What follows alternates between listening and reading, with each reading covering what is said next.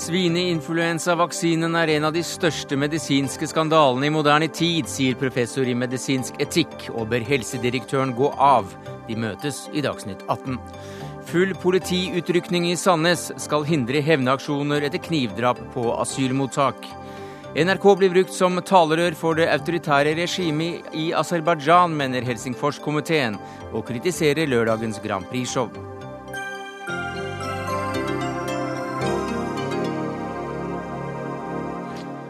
Ja, Det er noen av sakene i Dagsnytt 18 denne torsdagen på NRK P2. Og dere kan også se oss direkte på nrk.no.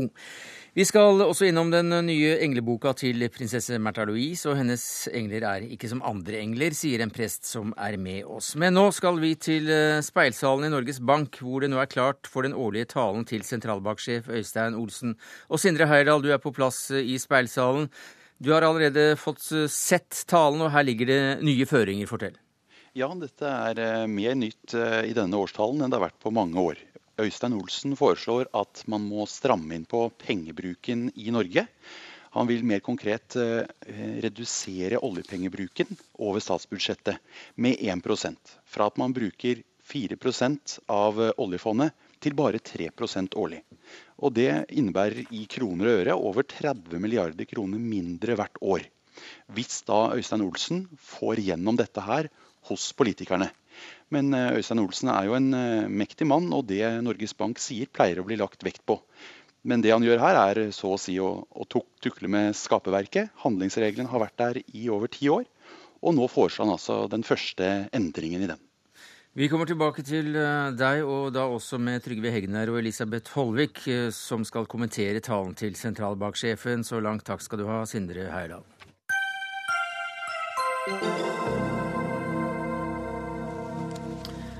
Ja, Høsten 2009 lot altså 2,2 millioner nordmenn seg massevaksinere mot svineinfluensaen etter sterke anbefalinger fra norske og internasjonale helsemyndigheter.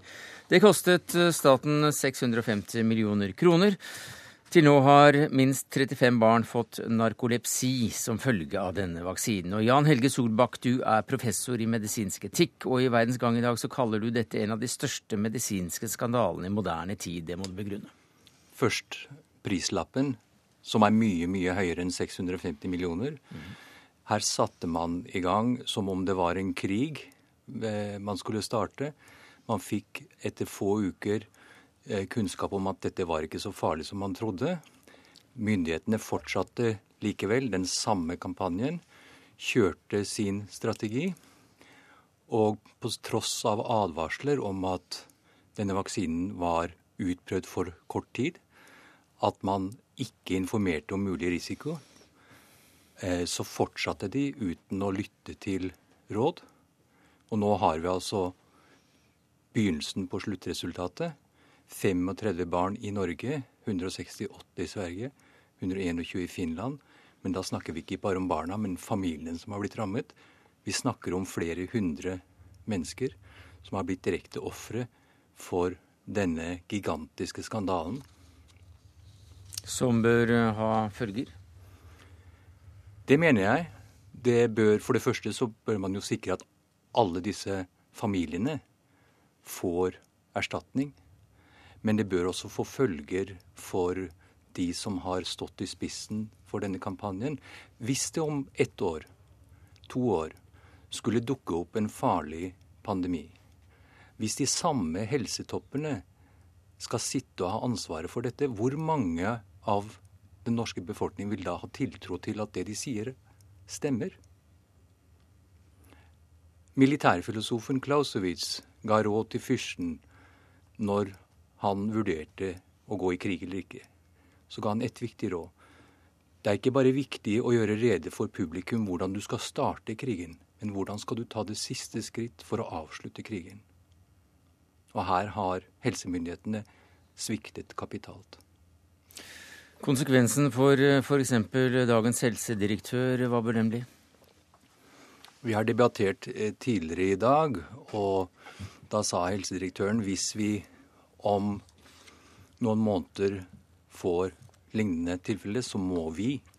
Jeg tror han bør vurdere om han bør være en del av det vi. som neste gang også skal ha sitte i spissen for tiltakene som må gjøres. La oss ta det siste først, helsedirektør Bjørn Inge Larsen. Er denne kritikken så rammende at du nå vil trekke deg? Jeg tror nok eh, at andre må vurdere min stilling. Eh, du kan jo vurdere den selv også. Ja. Eh, jeg har en viktig jobb å gjøre. Og tenker at jeg håndterer denne situasjonen mest ansvarlig ved å fortsette å håndtere den selv.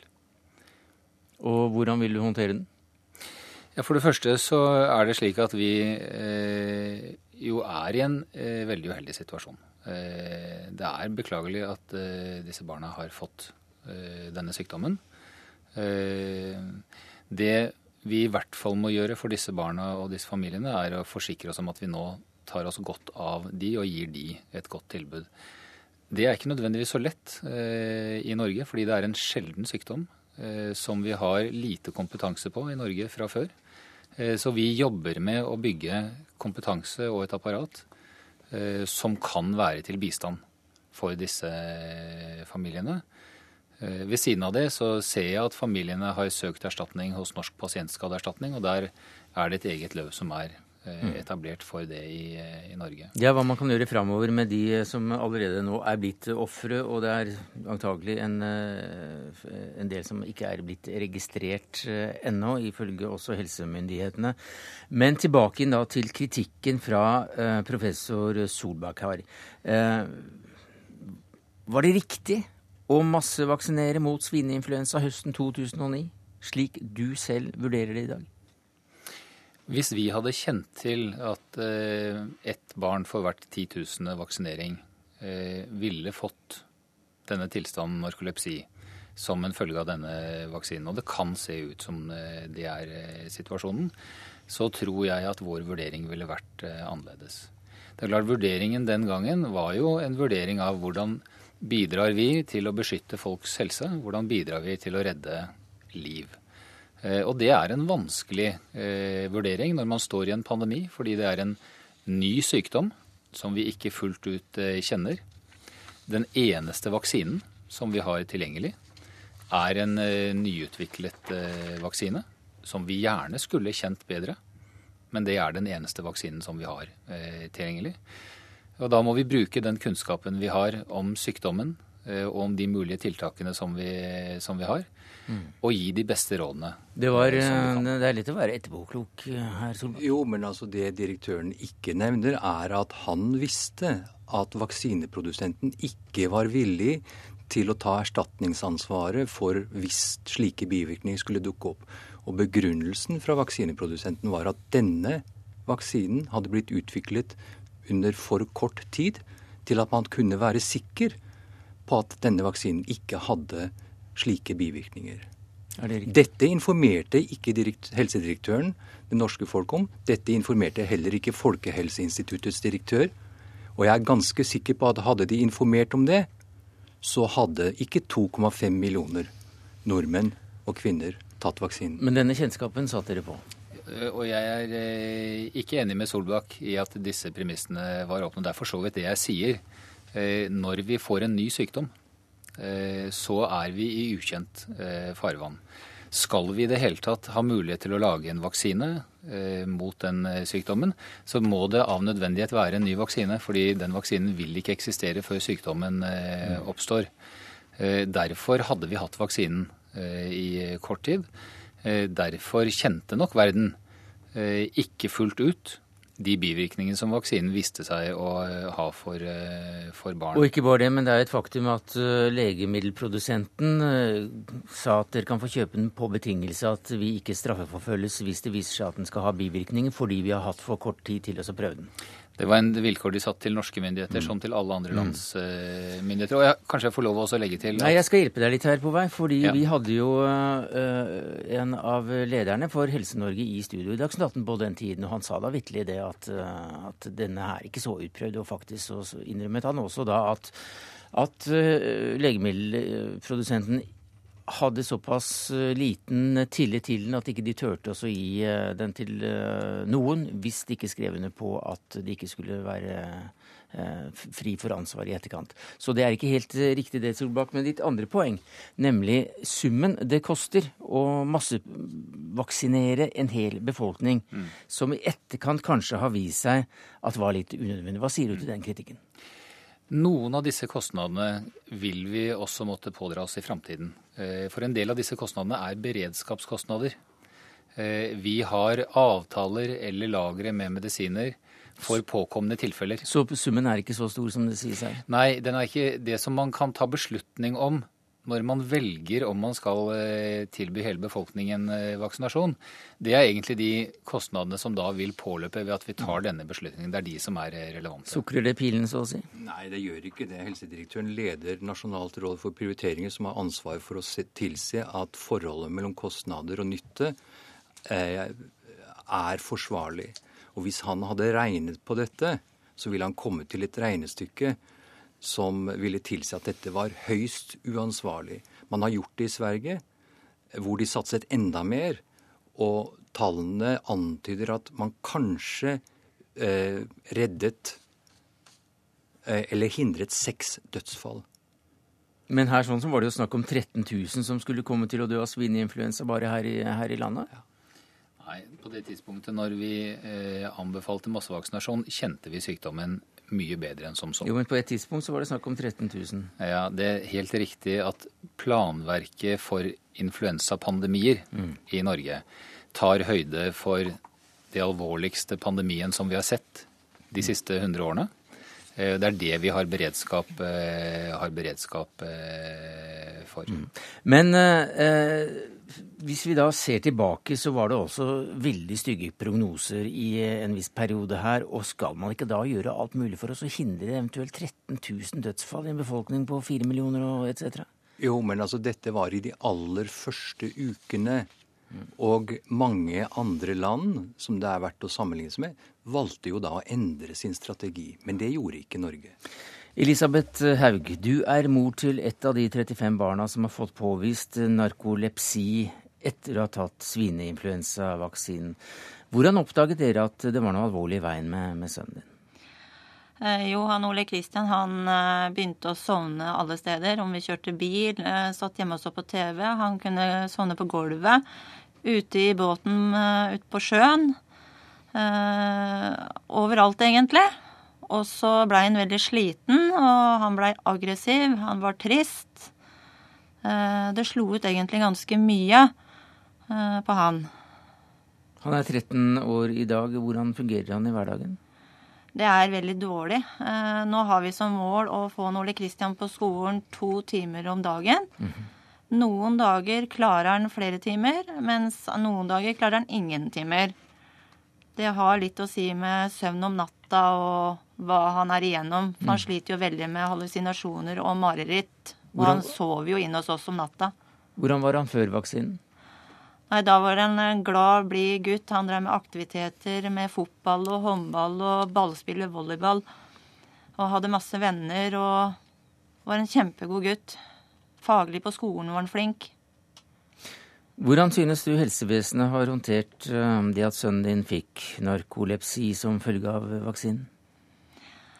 Jeg syns de kunne visst litt mer om det før de tok den ut. da. Vi var jo veldig skeptiske på om vi skulle ta vaksina på unga våre. Mm. Men det var det at det var så mange rundt oss som sa at uh, den må dere ta, for det, det er veldig viktig. Og i forhold til om du skulle bli sjuke og sånn. Så ut ifra det at folk pressa deg på en måte fra alle kanter, gjorde det at uh, vi gjorde det på unga våre òg. Mm. Hva syns du om, eh, om dette? Nei, det, jeg vil si jeg syns det er veldig leit eh, å høre om familiens eh, situasjon. Eh, de har et eh, barn som eh, er sykt og som ikke fungerer godt. Og det er selvfølgelig også en stor belastning for, for familien. Så det, det, er det bare å beklage. Presset man for mye på, både helsemyndigheter og da vel videreformidlet av pressen? Det er selvfølgelig slik at intensjonen med dette var å redde liv. Eh, det er jo veldig beklagelig at en av effektene er at man også har forvoldt eh, skade. Eh, og i ettertid, når vi nå kjenner fasiten, så skulle jeg ønske at vi ikke hadde anbefalt vaksinering av de som var mellom 0 og 20 år. Solbakk var her jo flere ganger og sa at dere ropte ulv, ulv, og at det bør være, man være veldig forsiktig med som en gjeter av landets helsetjenester. Mm. Ja, eh, et, Samtidig så er det jo noen som nå beskriver dette som om det ikke var noen ting som skjedde eh, i Norge. Det, man kan heller ikke bagatellisere hva en slik pandemi som dette både var, og hva det kan være. Eh, en pandemi kan være en alvorlig situasjon mm. for eh, en befolkning. Men den var den altså skal, ikke så alvorlig som Den skal tas alvorlig også i fremtiden. Mm. I ettertid så er vi enige. Det var ikke en veldig alvorlig pandemi. Solbakken, hva var det jeg så? Kan du si, men hva kommer du til å si eh, videre? Kommer du til å forfølge denne saken? Jeg kommer til å forfølge denne saken og, og se hvorvidt myndighetene virkelig er villige til å ta selvkritikk med de konsekvensene de nødvendigvis eh, vil måtte ha. Det er en selvkritikk du har hørt her i kveld? Ja, men det er første gang at den som sto i spissen for det, har kommet med antydninger om at ting kunne vært gjort annerledes. Det er ganske for sent. Helseministeren var også invitert, hun takket nei. Men uh, takk for at du kom, Elisabeth Haug. Uh, ja, men jeg, tenkte på sånn som Ole Kristians tilfelle. Mm. Så har jo han blitt ramma av ganske mye symptomer under uh, narkolepsien. Det er jo ikke bare søvn og det han sliter med, men han har jo også søvnparalyse og katapleksin og Ja, det òg sliter jo veldig mye da, i forhold til at han da ikke klarer å bruke beina sine på den samme måten som før heller. Får du den hjelpen du, du trenger nå? Ja, jeg får jo noe hjelp fra barnevernet. Og, men det som er litt synd, er at jeg hadde en som het Espen fra Askeladden hjelpetiltak, som hjalp oss og hadde den på avlastning. Men så sendte de Ole Kristian inn på UK på Ahus. Og det ble et veldig negativt eh, sted for han å være. Og i og med at Espen var med på den prosessen, så har han eh, Ole Kristian eh, avvist Espen etterpå. Mm. Og det syns vi er veldig synd, da, for nå, da har vi mista den avlastninga som var veldig god. Takk skal du ha, Elisabeth Haug, eh, mor da til eh, en av de som nå er rammet. Takk skal du ha, Jan Helge, Helge Solbakk, professor i medisinsk etikk ved Universitetet i Oslo, til Bjørn Inge Larsen, fremdeles helsedirektør.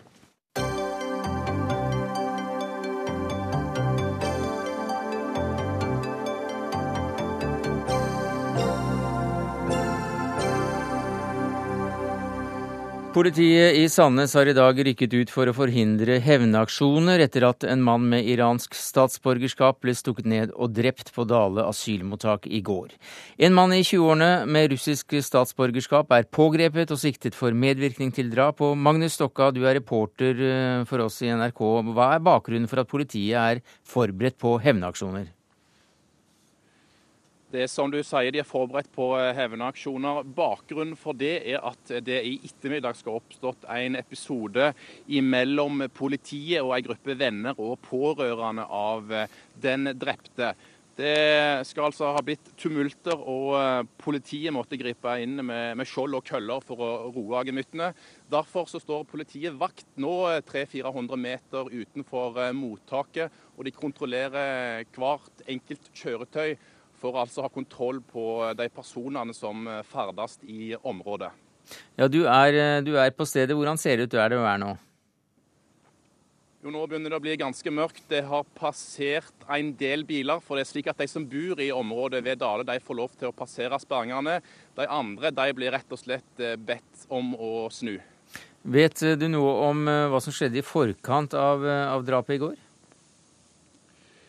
Det vet vi lite om. Politiet er veldig sparsomme med opplysninger. Men eh, NRK har snakket med en del av beboerne på eh, asylmottaket, og de forteller om krangel om drikkevann etter denne fotballkampen, og at, eh, altså at det skal da ha vært bakgrunnen for knivstikkingen. Politiet vil ikke gå ut med det. De sier lite om motivet så langt. Men de etterforsker saken bredt.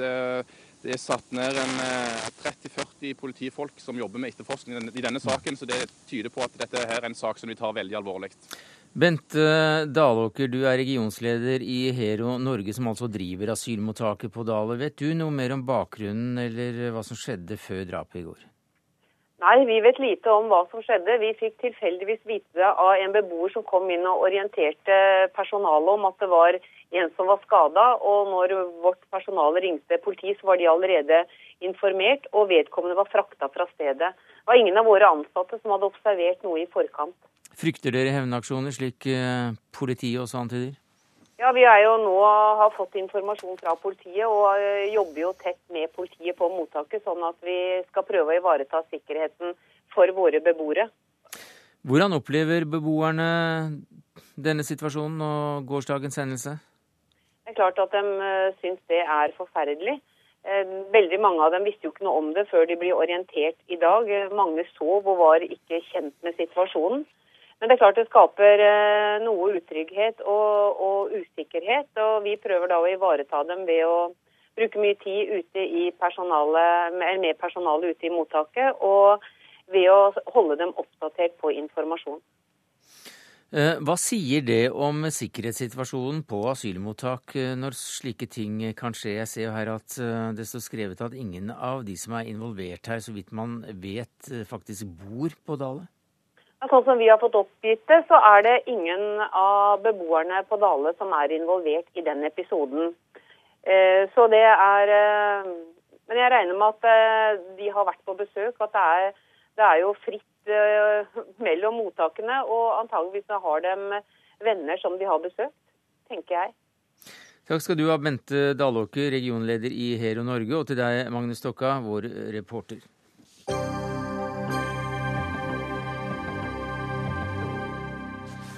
Så skal vi snakke om Melodi Grand Prix her i Dagsnytt 18. Jeg vant! Jeg vant! Tooji skal til Baku. Han er saksbehandler i barnevernet. Må ta seg fri! For vi skal til Baku i mai. Ja! Og det er bursdagen min i mai. Det blir dødskult! Ja, På lørdag ble det altså klart at Norge sender artisten Tooji til finalen i Melodi Grand Prix i mai. Kritikerne mener NRK nå lar seg bruke av myndighetene i Aserbajdsjan for å spre unyansert propaganda. Og kritikeren her, det er deg, Berit Lindemann, som senior, eh, seniorrådgiver i Helsingforskomiteen. For i Dagsavisen i dag så skriver du at det må være pinlig for norske journalister å bli brukt som talerør for et autoritært regime. Hvordan kan du si det? Ja, nå er det sånn at det er egentlig bare én måte å forsvare og holde Melodi Grand Prix i et land som Aserbajdsjan på, og det er ved å bruke anledningen til å få ut så mye som mulig informasjon om det som foregår i landet. Mm. Uh, og det må jo skje i de samme sendingene også i de samme sendingene hvor man eh, snakker om selve, altså, som er selve arrangementet. For jo der seerne er der, det er lytterne som er der. Eh, og så er det jo supert at vi diskuterer dette i Dagsnytt 18 i dag at Urix eh, lager sendinger om det, Dagsrevyen, avisen skriver om det. Alt det Alt er bra, men det er veldig viktig å få det med på selve Grand Prix-sendingen. Jo, men altså, Vi hørte jo her en, eh, en eh, selvfølgelig en, eh, en, lykkelig, eller i hvert fall veldig engasjert programleder, Marte Stokstad, som jubler med prisvinneren her. Skulle hun da plutselig ha sagt at men du, du skal nå da dra til et på mange måter forferdelig land? Nei, men selvfølgelig ikke. Ja, hvordan, tenker, hvordan, skal ja, dette løses? Nei, og det er, altså, bare sånn at jeg har sagt, det er jo selvfølgelig fullt lov å ha det gøy også i et uh, diktatur eller et autoritært regime. Det er, det, er, det er, helt i orden, det. Men når man lager disse innslagene som viser Aserbajdsjan, så skal man uh, velge en realistisk versjon, og ikke bare den versjonen som de nærmest blir pekt på mm. av aserbajdsjanske myndigheter. Og dette var Underholdningsavdelingens ansvar, Charlo Halvorsen, og du er ansvarlig for Underholdningsavdelingen. Hva sier du til det? Nei, du, jeg er jo enig i nesten alt du sier. Jeg, jeg, jeg, jeg syns jo det er både nødvendig og kjempefint at man benytter den store oppmerksomheten rundt eh, Grand Prix og Eurosong til å sette et fokus på ting som jo åpenbart ikke fungerer i Aserbajdsjan. Så eh, mener nok jeg at vi må eh, dele litt roller her. At vi er på en måte eh, de som lager evenementet som skaper den store oppmerksomheten. Og så er det andre, både i dette tilfellet menneskerettighetsorganisasjoner og journalister, som må stå for den brede dekningen av, av de tingene som, som av dårlig karakter som, som er i Aserbajdsjan. Jeg tror eh, å legge den type systemkritikk inn i en sangkonkurranse, eh, i selve sangkonkurransen, tror jeg ikke er eh, verken spesielt mm. eh, lurt for saken eller for eh, programmet. Eh, jo, men det syns jeg. Eh, og, og, og, det er jo sånn at man trenger jo ikke bruke underholdningsjournalistene til å lage disse innslagene. Det kan man lage eh, garvede utenriksjournalister eh, til å sette sammen, og så kan man få dette ved siden av eh, eh, alle innslagene fra selve dansen og musikken og alt det som er moro. Det, det går det fint an å få til hvis man har et ønske om det. Ja, nei, jeg, jeg, Vi er jo ikke enige om den biten der, og jeg tror det er viktig å skille Men Kan man ikke det, da? Nei, jeg, man kan egentlig ikke legge inn eh, noe substansielt om menneskerettighetene i, eh, i Aserbajdsjan, eh, verken i norsk eh, Melodi Grand Prix-finale eller i Eurosong-finalen. Men han, Hans-Wilhelm Steinfeld eh, inn og forteller litt om, om, om landet og om Nei, Jeg tror det hadde kledd det, den finalen, som jo er det er sang og eh, moro og dans og glitter og fjas og alt det som er gøy rundt Eurosong, det må vi, eh, og uh, Melodi Grand Prix, det må vi ivareta. Og ja, å komme inn med noe som var substansielt om, om alvorlige ting som vi snakker om her, det, det, ville ikke fungert. Og det må vi som programskapere bli trodd på mm. på et eller annet vis, og er egentlig like malplassert som om du skulle begynne å synge nå. Noe jeg ikke skal gjøre. Marit Christensen, du er tidligere Moskva-korrespondent for NRK, men du har faktisk sunget i et underholdningsprogram i NRK, i hvert fall mimet sammen med var det Per Ståle Lønning? Ja, jeg har sunget også, jeg. Ja, og, ikke, og ikke bare i ett. Nei, men i hvert fall så var du også med i det underholdningsprogrammet som i hvert fall til da var mest sett på norsk eh, fjernsyn. Men vi kjenner deg jo som anker i, i en utenriksredaksjon og som, eh, som en uh, nyhetsformidler her i, i, NRK. Så du har et bein i begge leirer, pluss at du kjenner landet godt. Hva sier du til dette? Nei, altså Jeg må jo egentlig forsvare NRK litt her, selv om ikke jeg jobber i NRK. Men NRKs oppdrag uh, ifølge det regelverket som gjelder for NRK, er jo å skape balanse på sikt. Nå har vi per i dag Altså dette var oppkjøret til uh, Melodi Grand Prix. Jeg har aldri sett, jeg er sikker på dere heller ikke har sett, listen over journalister som skal dekke Melodi Grand Prix i Baku jeg er ganske overbevist om, fordi at jeg kjenner NRK godt, at der kan du finne både dette og hint. Og jeg har veldig lyst til å sammenligne det med noe som jeg var med på en gang, nemlig de olympiske leker i Moskva i 1980. Eh, for det var et land som var eh, undertrykkende og korrupt og med dårlige menneskerettigheter osv. Men vi sa ikke noe om det midt under eh, bom for kvinner. Altså, Det er noe med å dele opp ting her, og jeg tror vi skal være veldig glad for at Per Sundnes ikke skal kommentere utenrikspolitikken. Uh, og som du selv sa, ålreit hvis ikke du skal synge i Grand Prix. Mm. Sånn at jeg er helt sikker på at for NRK så blir dette balanse på sikt. Men er det ikke slik da at uh, det er en million eller to som ser uh, Grand Prix-finalen, mens det er ikke riktig så mange som ser på, på utenriks, og at balansen dermed blir uh, ikke ivaretatt? Jeg er ganske sikker på at i hvert fall når det nærmer seg, så vil dekningen også fra, fra NRK, men selvfølgelig også alle andre medier, vil bli mye bredere enn dette. Og NRK kommer til å dekke dette både i radio og TV og på nett. Eh, og det er på en måte deres oppgave. Og så mm. er det eh, vår oppgave å gjennomføre selve sangkonkurransen. Sangkonkurransen er upolitisk. Arrangementet er det jo åpenbart ikke. I hvert fall ikke fra arrangørens side. Og sånn sett var det ikke engang det når vi arrangerte det her i Bærum. Eh, så eh, jeg tror eh, den arbeidsdelingen tror mm. jeg er den beste. Marit Christensen, dette er altså ikke mm, bare blått til lyst, det NRK skal formidle fra Aserbajdsjan. Men kan ikke du kort tegne et lite riss av, av, dette landet. Hva er det vi snakker om her? Altså, dette er et land uh, som representerer en vanvittig balansegang for ledelsen i landet. Det ligger midt i shia-islam. som med en nabo i sør som er veldig konservativ.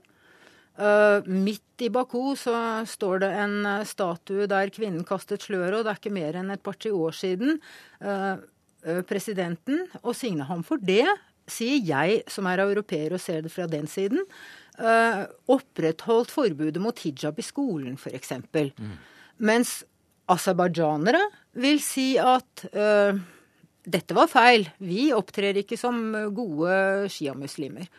Så det er fryktelig vanskelig. Så ligger det akkurat i krysningen da mellom stormaktene Russland, Iran og Tyrkia.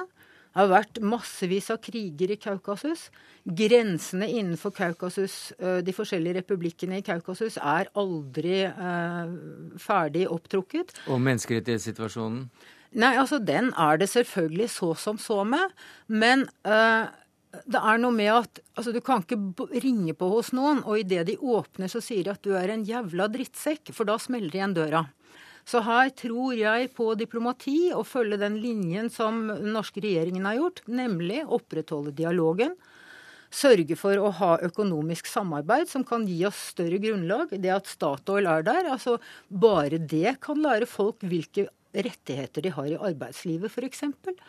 Altså Det er mange muligheter som du får når du står innenfor, Også, mot det å stå utenfor. Så jeg mener at her må vi faktisk velge våre slag. Mm, så for uh, Aserbajdsjan så kan uh, Grand Prix være viktig på flere måter? Ja, og det kan være viktig for oss også. Men vi behøver ikke uh, skjelle dem ut mm. midt i moroa. Det er det som er noe av poenget her. Lindemann. Ja, eh, nei, altså Jeg kan ikke huske at jeg har snakket om å skjelle ut. Jeg har snakket om å skape en, en god balanse i informasjonen som kommer frem der. Det er sånn det blir oppfattet det, når noen sier til deg ja, at du er dum og gjør hvis, ikke det som er riktig. Hvis det skulle være sånn at man bare kunne snakke om menneskerettigheter når mottakeren av budskapet ikke blir fornærmet av det, da kan vi aldri snakke om menneskerettigheter. Sånn er det. Vi er faktisk nødt til å bruke de anledningene vi har til å snakke om menneskerettighetene for å oppnå noen resultater. Vi er aldri vært imot mm. dialog. Vi ønsker næringslivssamarbeid, vi ønsker diplomatisk samarbeid, og vi ønsker Grand Prix til Aserbajdsjan, men vi skal også snakke om menneskerettighetene. Men hvis vi trekker en parallell her, så drar vi altså ikke opp det ypperste bruddet på menneskerettigheter, nemlig utøvelse av dødsstraff, hver gang Oscar deles ut i USA. Sånn at det er noe med å velge riktig sted, riktig tid, for å oppnå resultater. For det er jo resultatene vi ønsker. Ja, nå er det sånn at Jeg hadde møte med britisk UD i går i London. Eh, og Da sa han som er desk officer for, eh, for eh, Aserbajdsjan at beklageligvis syns de det var vanskelig å snakke om menneskerettigheter i Aserbajdsjan, så de likte heller å snakke om modernisering. Og det er klart, Når, når selv diplomatene unngår bruket av det stygge M-ordet, da er det vanskelig å nå fram. altså. Nei, det er ikke det. fordi at nemlig i begrepet modernisering så ligger det faktisk også elementer av bedrede menneskerettigheter, øh, større demokrati, bedring av de sivile organisasjonene osv. Så, videre. så hvis du legger merke til den talen som den norske ambassadøren til OSSE, altså Organisasjonen for europeisk øh, sikkerhet og samarbeid i Europa, så sa ikke han at dere bryter menneskerettighetene, men han sa Norge vil gjerne støtte Aserbajdsjans arbeid for bedring av menneskerettighetene, lovverk osv. Dette er en rett og slett strategisk måte å nå fram med budskapet på, og ikke slå dem i hodet. Mm, da er det jo pussig at ikke de gjør det. Eh, det er nå så. Eh, Nei, men du må men, si det et par-tre ganger. Eh, ja, og, og, jeg har også fulgt dette landet veldig tett i, fra 1998. Jeg har også jobbet som rådgiver for Justisdepartementet i Aserbajdsjan. Og, og, det eneste jeg har sett disse tolv årene, det er en forverring i situasjonen. Det blir mer og mer moderne og verre og verre for menneskerettighetene. Halvorsen, kommer du til å ta et initiativ overfor f.eks. utenriksredaksjonen her i NRK om å inngå et tettere samarbeid, kanskje?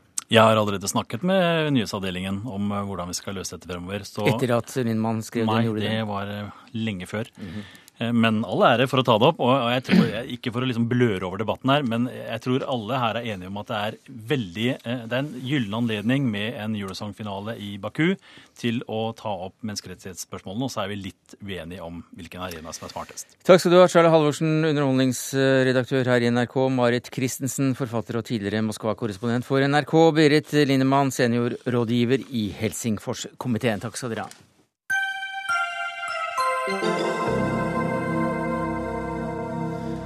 Så til fengselsbrannen i Honduras, hvor omkring 350 innsatte altså døde i en av historiens største fengselsbranner. I dag startet arbeidet med å identifisere de omkomne etter brannen. Vegard By, du er forfatter, du kjenner Latin-Amerika godt, og du har besøkt fengsel i Honduras. Hva vet du om det som hendte? Nei, Det er det vel ingen som vet helt sikkert, men eh, bakgrunnen er jo eh, soningsforhold som ingen kan forestille seg, eh, etter å ha vært i et norsk fengsel i hvert fall. Eh, det har sannsynligvis hatt sammenheng med en konflikt mellom to innsatte. og eh, de, de, de fleste som sitter i disse fengslene i, i Honduras, er jo medlemmer av disse ungdomsbandene, såkalte Maras. Eh, jeg så jo selv at de fleste hadde enten en kniv eller revolver under hodeputa. Så det er klart at uh, her er det korte lunter før det ting, skjer ting. Uh, så jeg går ut fra at det er en slik konflikt som utløse det, Men så, så skjedde jo da det som ofte skjer, at, at eh, fangevokterne rett og slett stenger dørene. Uh, det vil si Dørene er vel stort sett stengt i fengselet, men de unnlater å åpne dem når de skulle åpnes. Og så brenner alle inne. Det er ikke akkurat uh, noe eksempel til etterfølgelse. Dette fengselsvesenet i Honduras har vi lest i løpet av dagen. Halden fengsel er atskillig uh, bedre antagelig. Hva slags forhold er det i fengslene? Nei, altså Det jeg kunne se, var jo da en celle f.eks. hvor det er stablet åtte eh, etasjer av noen slags sengelignende konstruksjoner oppå hverandre, eh, som ramler sammen og rett som det er. Eh, jeg tror det var noe sånn som 150 stykker inne i en celle med et lite høl i hjørnet for å gjøre sitt fornødne, og kanskje en dusj på deling.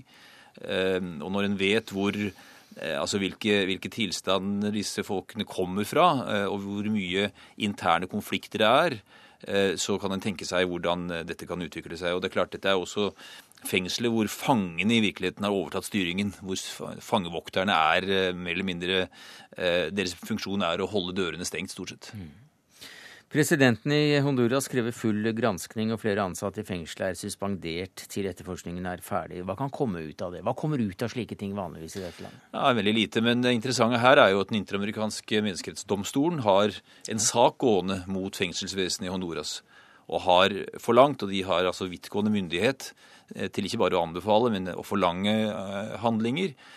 Og det var et, et, ultimatum som gikk ut nå i slutten av, februar, som åpenbart ikke er blitt oppfylt fra myndighetenes side. Slik at det kan komme en, en betydelig internasjonal rettsjustis mot myndighetene i Honduras. Jeg hørte et intervju med utenriksministeren som hadde en løsning som gikk ut på at han skulle privatisere deler av fengselsvesenet. Jeg tror ikke det er noen løsning i et slikt land. Hvordan vil du karakterisere rettssikkerheten i, i Honduras? Nei, altså Et av problemene her er jo at nesten, eller de fleste av de innsatte her sitter uten dom. Altså Det er varetektsfanger. Mange av dem blir sittende mesteparten av livet, kanskje hele livet, uten noen gang å få en dom. Det er et overveldende problem som, som, som ingen er i stand til å se noen løsning på. Kanskje den eneste løsningen som flere tidligere presidenter i Latin-Amerika har gått inn for, er å, å, legalisere narkotikatrafikk, eller i hvert fall kokainomsetning. Fordi slik dette er i dag, så er det ingen som har noen som helst formening hvordan de skal kontrollere det. Og de aller, aller fleste som sitter inne, de sitter inne pga. narkotika? Ja, narkotika eller bandekriminalitet. Det, det, som henger sammen? Ja, og det absurde er jo at mange av disse er, er, er utlevert fra USA. De har kommet seg til USA, blitt med i bander f.eks. i California, blir da utvist tilbake til Honduras og blir da store skal vi si, rollemodeller for de aller yngste. Og alt dette går jo tilbake til konflikten på 80-tallet, hvor Honduras var oppmarsjområde både mot Guatemala, mot El Salvador, mot Nicaragua, men ikke selv hadde noen interne konflikt, interessant nok. Men var også oppmarsjområde for amerikanske soldater, hvor prostitusjonen var større enn noe annet land i Latin-Amerika, hvor du fikk da en, en, en, en oppvoksende barnegenerasjon som i dag har blitt kriminelle. Takk skal du ha, Vegard By, Latin-Amerika-kjenner.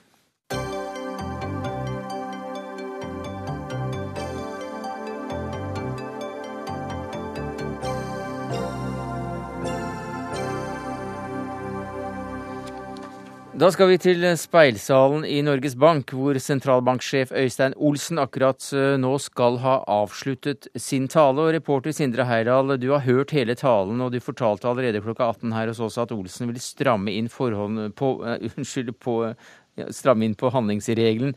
Hva mer sa han om dette under selve talen? Ja, Han var jo veldig inne på dette temaet. Det var jo som en rød tråd gjennom hele talen. Eh, og han sa at eh, dette her er noe som eh, tvinger seg frem både fordi at oljefondet har hatt en lavere avkastning enn det var forutsatt for ti år siden, når handlingsregelen ble laget. Men han sa at det også har med eurokrisen å gjøre, og at handlingsrommet til Norges Bank er mindre nå. Det er vanskelig å, å gjøre noe med rentesettingen når det går dårlig i mange euroland. Og da mener han at uh, dette er et virkemiddel for å forberede seg på tøffere tider i uh, tiårene som kommer. Og dermed så har altså da eh, Olsen gjort noe som eh, Norges Banks sjef ikke er kjent for, nemlig å komme med en litt overraskende nyhet i denne talen, Elisabeth Holvik. Du er sjeføkonom i Sparebank1-gruppen. Mm. Eh, var det et gisp som gikk gjennom salen? Nei, langt ifra. Det, dette her har jo lagt litt i korten at eh, Olsen nå, fordi Norges Bank ikke eh, kan bruke renta til å stabilisere norsk økonomi pga. krisen, så må han spille ballen over til det politiske miljøet. Og da kan de enten gjøre noe med at renta er så lav etter skatt. Det tok han ikke opp i dag. Eh, og det andre virkemidlet er å bruke mindre penger over statsbudsjettet. Og det er jo det han nå anbefaler. Og det er jo mange av oss som har anbefalt det i mange år. Fordi utsiktene framover er at eh, avkastninga på sparepengene våre framover i tid ligger an til å bli mye svakere enn det vi har sett i perioden før 2008. Og Da er det fornuftig at en også bruker mindre penger over statsbudsjettet. Det er også klart at når en i Norge har en sær norsk oppgang pga.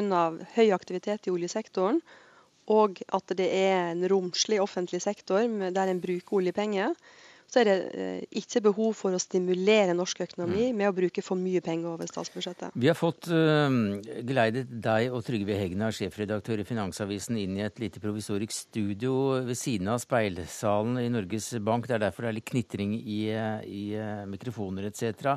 Hegnar, hva er din umiddelbare reaksjon på årets tale?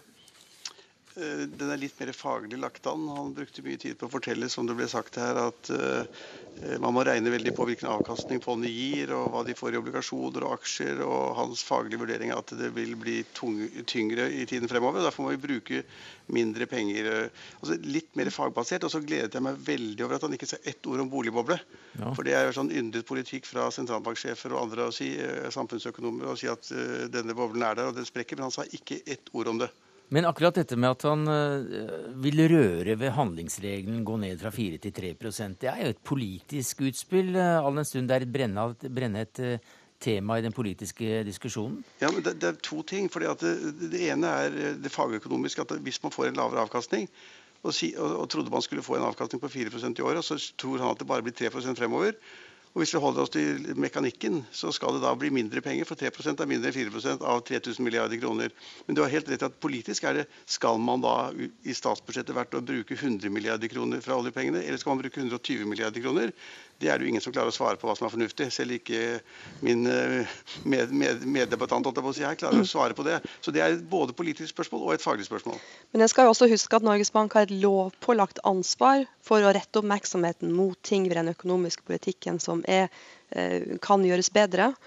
Og eh, i og med at det er Norges Bank som også forvalter oljefondet, og utsiktene er så svake som de er, så er dette både at de har et lovpålagt ansvar for å gjøre oppmerksom på at eh, konsekvensen av å bruke for mye penger er at en vil eh, kunne bygge for raskt ned mm. konkurranseutsatt sektor. Og det er også en faglig råd at han ser at her vil fondet ikke greie å levere 4% avkastning, og det må politikerne ta inn over seg. Jo før, jo bedre. Jeg det her, eller jeg anbefalte det i 2008, at det vil være fryktelig vanskelig å få til 4% realavkastning framover. Nå har endelig Olsen også innsett det. Endelig er, det, endelig er det noen som hører på deg. Ja. Men, men, nå har jeg lyst til å si en ting. Talen i dag inneholder et veldig morsomt poeng. Mm -hmm. Som jeg tror ingen i salen har fått med seg her. Nei. Og det at talen avsluttes med to ord, og det er alltid uansett. Og jeg er helt sikker på at I salen så lurte alle på hvorfor han sa det. Og eh, de som kjenner Øystein Olsen, vet at han er en ivrig Stabæk-fan. Og Stabæk fotballklubbs eh, slagord er alltid uansett. Og det kom ut en bok som viste da oppgangen til Stabæk. Eh, den fantastiske viljen som lå bak, og alt gikk bra. Og så skal man advare mot at det går dårlig. og Jeg lurte på om han da enten var sånn romantisk kjærlig, tenkte på Stabæk. At når det går opp, så kan det gå ned. Og går det opp med norsk økonomi, så kan det gå ned. Eller han regner med at det går like dårlig med norsk økonomi hvis man ikke gjør som han sier, som det har gått med Stabæk i år. Men du har vi fått en, eh, en liten humorist som, eh, som sjef i, i, Norges Bank etter ja, noen år med Gjedrem? Ja, du, altså, jeg vil si at uh, dette var en kjempemorsom overraskelse å, å, høre det alltid uansett. Uh, og at en sånn, ja, altså Enten er han en sånn veldig romantiker, eller så er han, prøver han å gi en finte som da ingen forstår. Bortsett fra de som hører på dette programmet nå. Men, som, da, som da har fått uh, nøkkelen. Som har fått nøkkelen. Men du, nå er, det, nå er det fest. Lakkskoene og stiletthælene skal vakle på glatt føre fra Norges Bank og nedover Karl Johans gate til Grand Hotell. Og det er alltid spennende hvilket bord man blir sittende ved. Det innebærer en viss rang, dette her. I, i fjor så satt du ved bord 13, Hegnar. Har du kommet deg nærmere Olsen i år? Nei, jeg tror ikke det. Jeg kan ikke tenke meg det. Men jeg sitter sånn midt i det. Helt, altså De som er helt nye og ferske og sånn, de, de, blir plassert ved bordene helt ved, ved døren, den store mm. inngangsdøren i, til speilsalen der. Og så Hvis man er veldig mektig og har store posisjoner og er statsråd eller politiker, så har man på bord 1, 2 og 3. Så jeg, kanskje jeg er kommet opp til bord 14 eller 15 i år. Jeg må vente til du går av med pensjon for å komme inn. Talen den er blitt holdt i 90 år eh, i år, litt eh, ut ifra hva man tar som utgangspunkt. Og den, den, er jo full av godbiter, egentlig. Også Erik Brofoss tok i bruk tittelen 'Den økonomiske situasjonen' allerede i 1957. Og så var det Skånland som påpekte dette, at det var en forutsetning med, med en varig balanse masse, og at det var spesielt gunstig situasjon å bruke årstalen til å snakke om det. Holvik, hvor viktig er en sånn tale? Det, jeg tror ikke den er så viktig, fordi politikere kan jo legge vekt på akkurat det de vil, eh, eller vri fokus. Eh, men det som er viktig for ettertida, er jo at de har blitt advart. Eh, at hvis en fortsetter uten å gjøre justeringer som han eller Norges Bank påpeker, så kan ikke de i ettertid si at ja, det visste ikke vi, det skjønte ikke vi. Han har i hvert fall gitt sine faglige råd, slik at de skal eh, vite at det er noen som sitter og kikker i kortene og er en, eh, et slags ris bak speilet. Og en skal huske at Det var en viktig rolle med å gjøre Norges Bank uavhengig i 2001. At en, når en innførte handlingsregelen for bruk av oljepenger, hvis en da ikke greide å vise moderasjon i forhold til regelen, så skulle Norges Bank være riset bak speilet. Og Utfordringen nå er jo at pga. krisen i andre land, så er det vanskelig for Norges Bank å være det riset bak speilet. Og Sånn sett så er det jo viktigere den politiske innspillen eller de økonomiske rådene han gir til politikere, at de må mm. ta det ansvaret på alvor. Hengard? Ja, Det viktigste synes jeg, altså Gjedrem, som var forgjengeren, han var opptatt av å belære folk, holdt en sånn forelesning og skremme folk litt. Grann. Eh, og I dag var det mer sånn litt akademisk og avkastning og greier. Men det viktigste ved hele talen synes jeg, det er liksom ikke akkurat innholdet, men det er det at den holdes foran stat, alle statsrådene mm. ja. og alle stortingsrepresentantene som sitter på rad 1, 2, 3, 4, 5 og 6. Og de er nødt til å sitte der i en time og få mm. en, få en leksjon i grunnleggende økonomiske ting. Og så tror jeg, og det er de godt av, men så tror jeg de fleste glemmer det når de går ut. Ja. ja. Eller de bruker tida der inne til å tvitre eller andre ting. Det fikk jeg ikke helt med meg, men det er jo en fare at de ikke at en blir så opptatt av å forsvare en politikk at en ikke er åpen for uh, faglige innspill. Og det er jo en uh, fare. Men jeg, tror, jeg tror det at de, at de, faktisk hører på, men det er mm. lett å glemme når man går ut. Og så faller man tilbake på sine gamle politiske standpunkter. Men det er en belæring, og man må sitte der. og Det er, mm. det er den eneste gangen i året hvor alle statsrådene og stortingsrepresentantene mm. sitter der foran læreren som belærer deg. Eh, vi har fått inn en, en melding her om at Sigbjørn Johnsen avviser endringer i handlingsregelen. Hva sier du til det, Hegnar? Svært, svært overraskende. Det var overraskende.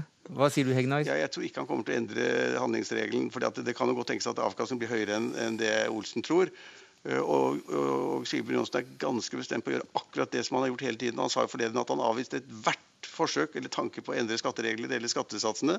Og han eh, avviste alt som har med formuesskatten å gjøre. Så han er, han er, en bestemt herremann, så jeg kan godt tenke hva han sier det. Menyen uh, i fjor var gravet hjort en Barossa Shiraz 2007. Er det alltid slik uansett, Hegnar? Nei, altså det, er, det, som er fordelen ved denne middagen her, er at det er sånn, det er sånn buffé. Man kan gå og ta selv, faktisk. Og Det gjør at man får adgang til å treffe mennesker og gå og ha det hyggelig og treffe en politiker eller en statsråd eller næringslivsleder som man ellers ikke har ned til å treffe. Så Det er det positive. Det er Opplegget er lagt veldig sosialt og veldig fornuftig. Og Det er ikke én en enkelte som man kan spise torsk eller ja, rostbiff eller, eller, bare kake, som jeg ofte gjør. Eh, man kan velge fra, fra øverste hylle hele tiden og, og, og surre rundt der. Det er mer kake igjen, Trygve Hegnar. Takk for at du var med oss som sjefredaktør for Finansavisen for tiende gang etter eh, hva vi har eh, talt opp her. Elisabeth Holvik, velkommen som førstereisejente, sjeføkonom i Sparebank1-gruppen. Og til deg, Sindre Heierdal, reporter i NRK.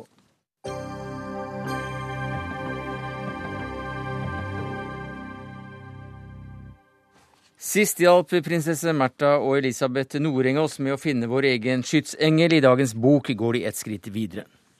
Vi har med personlige historier, og vi har med øvelser og meditasjoner som kan få deg også til å komme i kontakt med englene, om du vil det. Og finne din unike kommunikasjon med dem.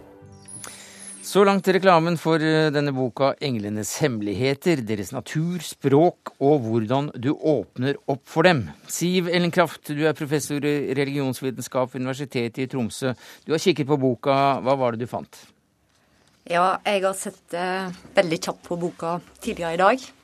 Eh, dette er på mange måter et typisk uttrykk for eh, den nyreligiøsiteten som har vokst fram siden 1960-70-tallet, og som særlig fra 1990-tallet har fått eh, fotfeste i Norge.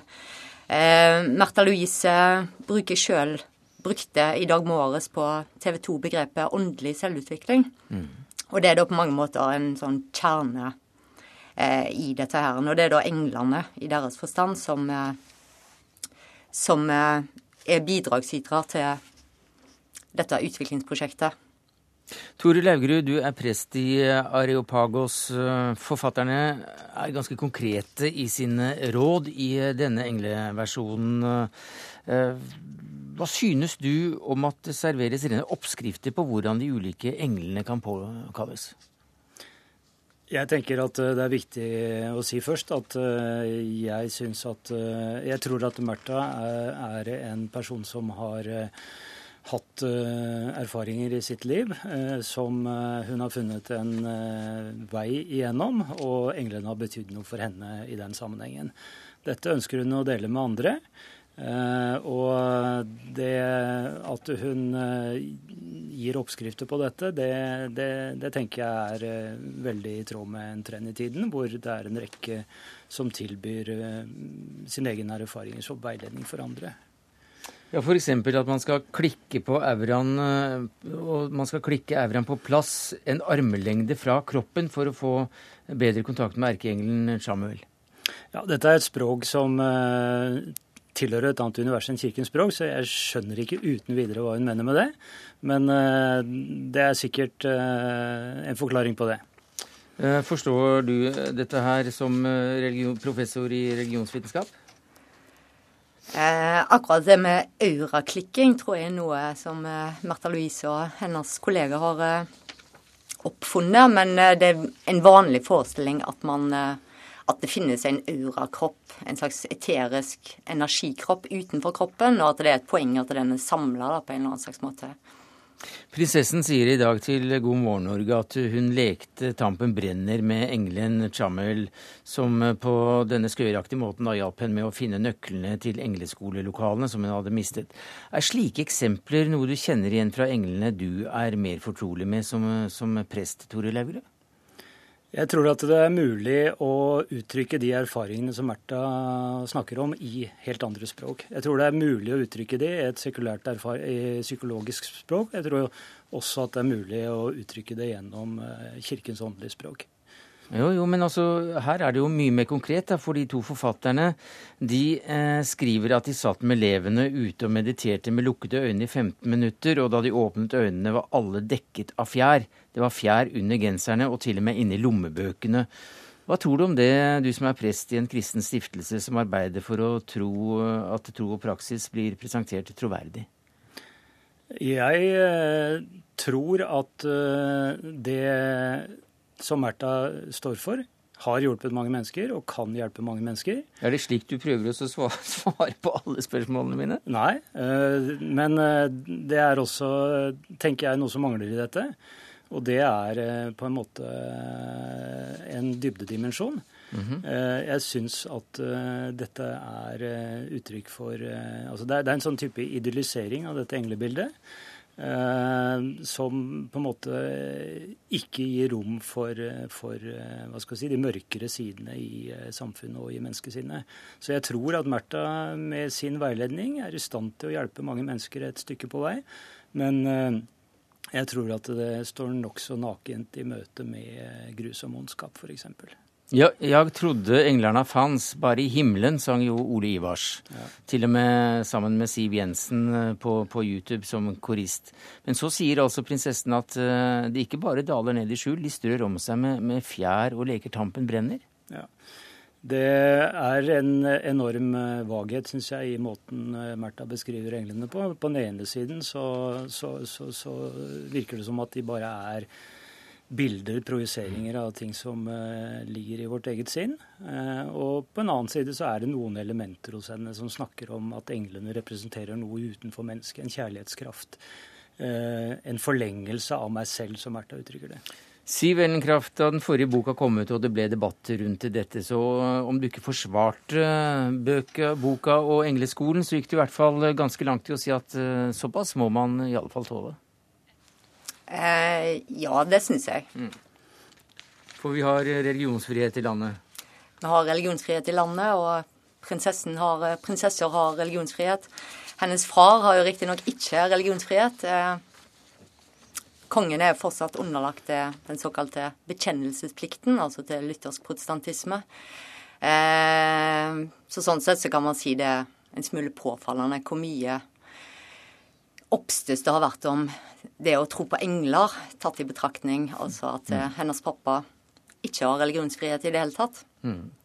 Det får være siste ord om eh, englene i eh, denne saken. Takk skal du ha i Tromsø, Siv Ellenkraft, professor i religionsvitenskap ved Universitetet i Tromsø, og til deg, Tore Laugerud, prest i Areopagos. Det var det vi rakk i Dagsnytt 18 denne torsdagen, takket være ansvarlig for det hele Karoline Rugeldal. Det tekniske ansvaret hadde Odd Evenrud. Jeg heter Sverre Tom Radøy.